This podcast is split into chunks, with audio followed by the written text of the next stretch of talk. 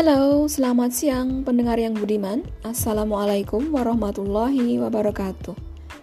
Bertemu lagi dengan saya, Sagitarius Heni di podcast kali ini seputar kesehatan. Judul yang akan saya bawakan adalah Perlunya memperhatikan kesehatan mental remaja saat pandemi COVID-19. Mari kita simak bersama-sama. Seperti kita ketahui bersama, dengan ditutupnya sekolah dan dibatalkannya berbagai aktivitas penting, membuat banyak remaja kehilangan beberapa momen besar di kehidupan mereka.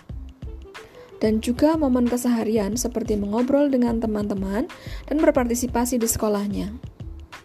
Para remaja menghadapi situasi baru ini bukan tidak hanya dengan kecewa, namun juga kecemasan dan perasaan terisolasi yang membebani terhadap perubahan hidup akibat wabah yang terus melanda.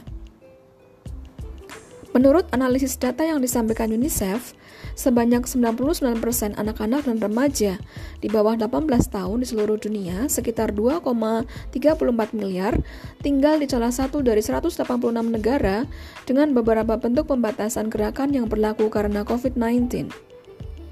Sebanyak 60% anak tinggal di salah satu dari 82 negara dengan lockdown penuh sebesar 7% atau sebagian 53% yang jumlahnya mencakup 1,4 miliar jiwa muda.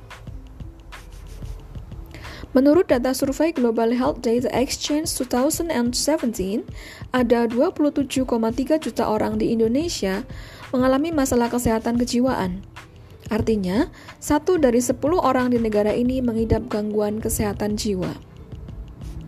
Untuk data kesehatan mental remaja di Indonesia sendiri pada tahun 2018, terdapat sebanyak 9,8% merupakan prevalensi gangguan mental, emosional dengan gejala depresi, dan kecemasan untuk remaja berumur lebih dari 15 tahun, meningkat dibandingkan pada tahun 2013, yang hanya 6% untuk prevalensi gangguan mental emosional dengan gejala depresi dan kecemasan untuk remaja berumur lebih dari 15 tahun.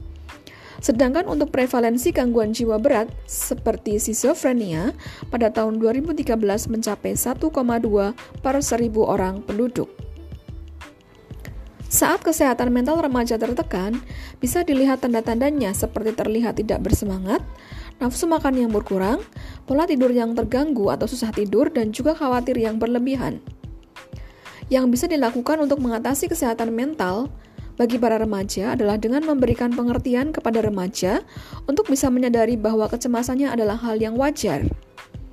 Kecemasan yang dialami remaja adalah fungsi normal dan sehat yang bisa membuat kita waspada terhadap ancaman dan membantu kita untuk mengambil tindakan untuk melindungi diri. Mencari informasi yang benar dari sumber terpercaya mengurangi bermain sosial media, serta membatasi menonton atau melihat berita tentang virus corona juga bisa mengurangi kecemasan yang dirasakan para remaja. Sebisa mungkin orang tua bisa menjadi teman berba berbagi bagi para remaja. Berikan ruang bagi remaja untuk terbuka soal perasaan khawatirnya kepada orang tua. Tidak terlalu sering membicarakan virus corona atau dengan mencari pengalihan suasana dengan kegiatan yang menyenangkan dan hal yang produktif, dinilai bisa mengurangi kecemasan dan membuat remaja merasa tidak terlalu terbebani. Biarkan remaja menghubungi teman-teman untuk menjalin komunikasi, berbagi cerita, dan bisa melampiaskan apa yang dirasakannya. Dengan begitu, kejenuhan remaja saat pandemi bisa terlepaskan. So, happy people, anak-anak dan remaja yang layak tumbuh sehat dan bahagia baik fisik maupun mental.